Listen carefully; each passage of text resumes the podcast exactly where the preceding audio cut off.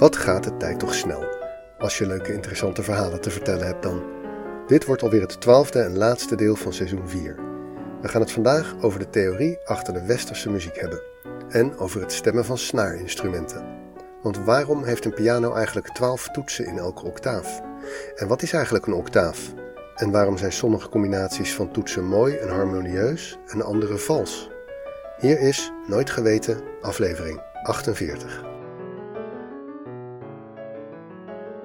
Voor het begin van de muziektheorie moeten we behoorlijk ver terug. Het begint bij de oude Grieken, om precies te zijn bij Pythagoras, die van de stelling. Maar hier gaat het niet om de stelling van Pythagoras, maar de stemming van Pythagoras. Pythagoras was een bijzonder figuur. Hij leefde van 570 tot 495 voor Christus. Dat is best lang geleden, ver voor Socrates en Plato en zo. De Griekse wereld was in die tijd een soort confetti van kleine kolonies langs de hele Middellandse zeekust. En Pythagoras bracht het grootste deel van zijn leven door in Italië. Helemaal onderaan in de zool van de voet, in een plaatsje dat toen Croton heette. Hij was helemaal niet de hele tijd met driehoeken bezig, hij was meer een soort goeroe. Hij had een hele schare volgers en ze leefden in een soort commune. We weten maar heel weinig van wat hij zijn volgelingen leerde en er is helemaal niets bewaard gebleven van zijn oorspronkelijke geschriften. We weten vooral wat fragmenten. Getallen waren heel belangrijk voor de leer. Sommige ideeën klinken best modern, zoals dat alles, zelfs de oersubstantie van de kosmos, door getallen verklaard kon worden. En ze waren grotendeels vegetarisch. Andere aspecten komen op mij nogal esoterisch over. Er moest veel gemediteerd worden op bepaalde spreuken en er waren ook een heleboel praktische regels waarvan het nut of misschien de diepere betekenis mij ontgaan, zoals altijd de rechterschoen eerst aantrekken, of niet met een zwaard het vuur opporren, en een streng verbod tegen tuinbonen. Maar goed, het gaat nu even niet om zijn religieuze kant en om driehoeken, maar om zijn werk aan muziek. Pythagoras ontdekte dat er een basis van getallen zat onder muziek, en hij deed uitgebreid onderzoek naar de harmonie in het geluid.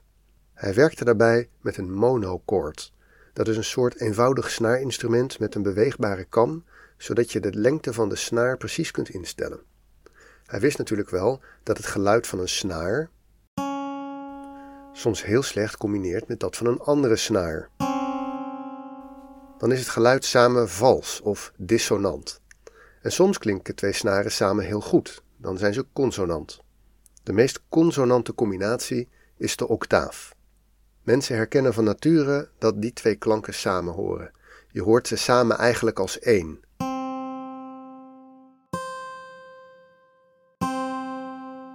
Als je meezingt met een lied en je kan niet zo hoog of laag als de zanger, dan kies je vanzelf een toonhoogte die een hele octaaf hoger of lager ligt.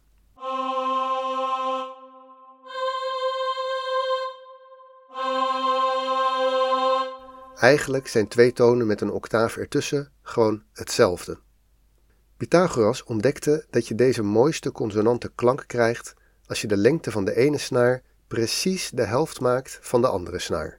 Dus de ene en een snaar die precies half zo lang is, die klinken samen als één. De snaren trillen heen en weer met een snelheid die één op één samenhangt met de lengte van de snaar. Daardoor gaat de lucht trillen en die trilling komt in je oor en dat is het geluid dat je hoort. Als je nou een trilling hebt die precies twee keer zo snel gaat, dan passen die trillingen op een bepaalde manier heel lekker op elkaar. Die zijn in harmonie omdat Pythagoras geloofde dat alles uit getallen bestaat, begon hij te experimenteren met andere verhoudingen. Wat nou als je de snaar niet 1 tweede van het origineel maakt, maar 2 derde? Dat klinkt ook heel lekker. Niet als één, maar wel mooi. We noemen dat een kwint. Denk even niet te diep na over de naam kwint. Het heeft iets met vijf te maken, maar daar gaat het nu niet om. De kwint is een snaar van twee derde lengte. Hij experimenteerde verder. Drie vierde bleek ook mooi. Dat heet een kwart, maar het effect wordt wel steeds minder. Vervolgens deed Pythagoras zijn grootste vondst. Hij bedacht een hele toonladder die je kon vinden door kwinten en octaven te stapelen. Het klinkt raar, ik laat het even horen. We beginnen hier. Als je daar een kwint van neemt, dan hoor je als je nou weer de kwint van die kwint neemt, dan krijg je. We zitten nu meer dan een octaaf hoger. Maar je mag een hele octaaf naar beneden gaan, dat is op zich dezelfde toon en die klinkt zo. We hebben nu drie tonen. Van laag naar hoog. Oké, we gaan nog een kwint omhoog. Naar. Nu hebben we van laag naar hoog. Enzovoorts. Zo vond hij steeds meer noten die je kan construeren van kwinten en octaven. En hij vond dat je dit twaalf keer kan doen en dan kom je weer op de oorspronkelijke toon uit.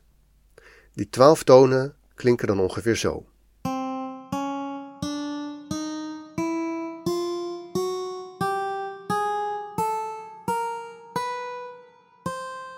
Dat is precies het rijtje toetsen dat op een piano zit als je geen onderscheid maakt tussen witte en zwarte toetsen. Nog een keer.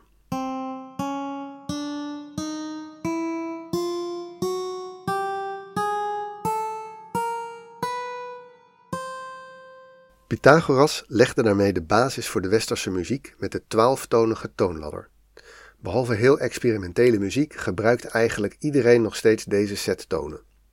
Voor Pythagoras zelf was waarschijnlijk het mooie vooral dat de verhoudingen van de hele getallen en de schoonheid van de muziek zo mooi in elkaar pasten. Dat hij hiermee een onderliggend patroon van het universum had blootgelegd. Maar helaas, helaas klopt dat niet. Pythagoras had het zelf waarschijnlijk ook al door. Het hele idee van de stemming van Pythagoras is dat het wiskundig zo prachtig uitkomt, dat de getallen en wat wij mooi vinden met elkaar kloppen. Maar jammer genoeg past het net niet. En dat kan je uitrekenen. Het idee van Pythagoras was dat je na het stapelen van twaalf kwinten weer op een hele octaaf uit zou komen. Zeven octaven hoger om precies te zijn. Nou, een octaaf hoger was een snaar van precies de halve lengte, weet je nog? Dus 7 octaven hoger, dat is 1 gedeeld door 2 tot de macht 7. Dat is 1 128ste. 128, onthoud even. Een kwint, dat was een snaar die precies 2 derde van de lengte is. Als je daar 12 van stapelt, is dat 2 derde maal 2 derde maal 2 derde, etc. Dus 2 derde tot de macht 12. Dat is 1 129,7. Dichtbij, maar net niet. En dus is het bij die stemming van Pythagoras zo dat voor sommige tonen geldt dat de lekker klinkende kwint ervan bij de beschikbare tonen zit. Voor sommige andere scheelt het heel weinig, maar bij sommige klinkt het echt niet. Dat verschil tussen de mooie getallentheorie en de praktijk, dat heet het Pythagoreïsch komma. Toch was dat eeuwenlang wat er nu eenmaal was. Het maakte ook meestal niet zo uit. Je speelde je liedje gewoon in een toonsoort waarbij je die paar echt valse kwinten kon vermijden. Maar wat dus niet kon, was het liedje een paar tonen hoger spelen. Want dan kon een kwint die heel lekker klinkt als je op C begint, ineens heel vals zijn. Als je op een klassiek snaarinstrument speelt, zoals een viool of een cello, dan kan de speler ook zijn vinger de ene keer net iets anders plaatsen dan de andere keer en zo altijd een mooie kwint laten klinken. Pas later kwamen er meer instrumenten waarvan de precieze tonen zaten ingebouwd, bijvoorbeeld een gitaar of basgitaar met frets, die kleine dwarsstreepjes waar je de snaren tegenaan drukt. Daar kan je de F niet een pietje hoger spelen dan normaal. Hooguit kan je die hele snaar een klein beetje anders stemmen. Of wat dacht je van een klavecimbal of later de piano? Daar was het stemmen zelfs specialistenwerk geworden. En dus kwam pas tegen de tijd dat dat soort toetsinstrumenten populair werden, de behoefte aan een stemming waarin niet alleen alle tonen zuiver klonken, maar dat je ook alles een toets kon opschuiven en dat het dan nog steeds allemaal zuiver klonk. En dat was Pythagoras dus nooit gelukt. Er was een heel lijstje van verschillende systemen waarin bepaalde tonen een pietje omhoog of naar beneden werden gedaan, zodat bepaalde intervals mooier gingen klinken, meestal ten koste van andere intervals. Dat tweaken heet tempereren en zo'n systeem van het aanpassen van de tonen ten opzichte van het systeem van Pythagoras heet een temperament. En toen, in 1584, werd op twee plekken op de wereld tegelijk de oplossing bedacht die we nu nog steeds gebruiken. In China door Zhu Zhayu en in Nederland door Simon Stevin. Eigenlijk was die Chinees net wat eerder, maar daar kwamen we in Europa natuurlijk pas veel later achter, dus we gingen er eeuwen vanuit dat Stevin de allereerste bedenker was van de twaalftonige, gelijkzwevende stemming. Die Stevin bedacht graag zelf woorden. Daarom hebben wij in het Nederlands woorden zoals wiskunde en scheikunde, die niet zijn afgeleid van het Grieks of het Latijn, terwijl alle andere talen dat wel doen en het over mathematica en chemie hebben. En zo dus ook met deze muzikale uitvinding van hem. Wij noemen het de gelijkzwevende stemming. In het Duits zeggen ze wohltemperiert of in het Engels well-tempered. Bekend van Bach's Das wohltemperiertes klavier. Wat was het nou precies wat Stevin als tweede had bedacht? De octaaf, die staat vast. Daar kom je niet aan. En dat systeem van Pythagoras, dat werkte grotendeels toch ook wel. Niet te veel aan veranderen. En als je dan wilt dat elk melodietje één toontje hoger of één toontje lager precies hetzelfde werkt, dan heb je in een octaaf kennelijk twaalf stappen die precies even groot zijn. En het verschil tussen twee tonen is de verhouding tussen de lengte van de snaar. Dus kennelijk moet de snaar bij elk van de twaalf stapjes met dezelfde verhouding worden verkort en moet je na twaalf stapjes precies op de helft uitkomen. Nu was Stevin een zeer bedreven wiskundige, hij had het woord zelf bedacht, dus hij wist dat dan kennelijk die verhouding de twaalfde machtswortel van 2 moest zijn. Dat kan je gewoon uitrekenen en dan afpassen op de nek van je gitaar. De twaalfde machtswortel van 2 is 1,059463. Zo, klaar.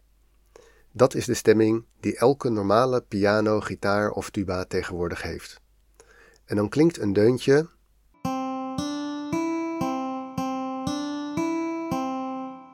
Precies hetzelfde als je het een paar toetsen hoger speelt, alleen hoger.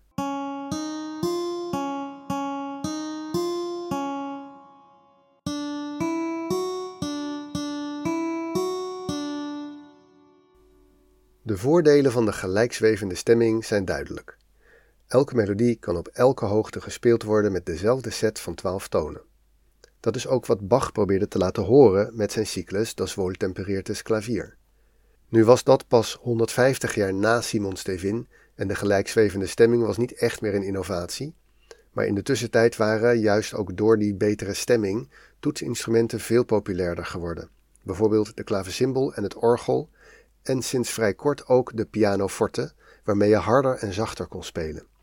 Das Wohltemperiertes Klavier is een serie korte stukken die elk in een andere toonsoort staan. Het begint bij C majeur, daarna C mineur, dan Cis majeur enzovoort.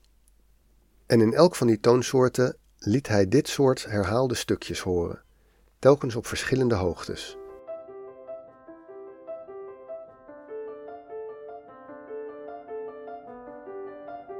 Zonder de gelijkzwevende stemming zou vroeg of laat een van die stukken vreselijk vals moeten klinken.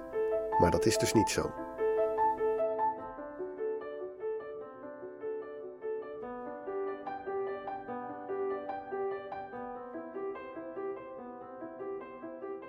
Nou, geweldig. Mooi stukje wiskunde van Simon Stevin. Maar er is ook een keerzijde van de medaille. En dat is eigenlijk het allerinteressantste, vind ik dan. In die gelijkzwevende stemming is alles hetzelfde, maar die prachtige harmonie van de reine kwint van Pythagoras, die zit er dus niet in. Want als je dat uitrekent met die twaalfde machtswortels en zo, dan kom je voor die toets niet op een verhouding van 3 gedeeld door 2, dus anderhalf, maar op 1,4983. Dat kan toch nooit mooi klinken? Nou, het blijkt dat als twee tonen dicht genoeg bij een harmonie zitten, dan horen wij dat verschil niet. Bij de kwint hangt het erom. Ik laat het even horen. Eerst de reine kwint van Pythagoras. En nu de kwint uit de stemming van Stevin. Sommige mensen horen dat de tweede een pietje vals is, dat het een beetje trilt en schuurt. Ik hoor het zelf eerlijk gezegd helemaal niet. En dat is raar, want in de tijd van Stevin kon iedereen het horen. Iedereen hoorde dat de kwint van een instrument in de stemming van Stevin net niet helemaal zuiver was. Niet lelijk genoeg om het erg te vinden, maar toch ook niet helemaal 100%. Maar tegenwoordig zijn wij zo gewend aan die klank dat we het ervaren als zuiver. Dat soort dingen zijn kennelijk voor een deel cultureel bepaald. Tegenwoordig vinden wij een terts bijvoorbeeld ook wel mooi klinken. Hij is zelfs onderdeel van het majeurakkoord, Maar vroeger vonden ze het vals. Er zijn dus klanken die wij samen mooi vinden klinken, die de meeste mensen een paar honderd jaar geleden lelijk en vals hadden gevonden. En daarom vinden wij dus muziek uit andere culturen ook vaak een beetje klinken als gejengel. En dat vinden zij dus ook van Bach.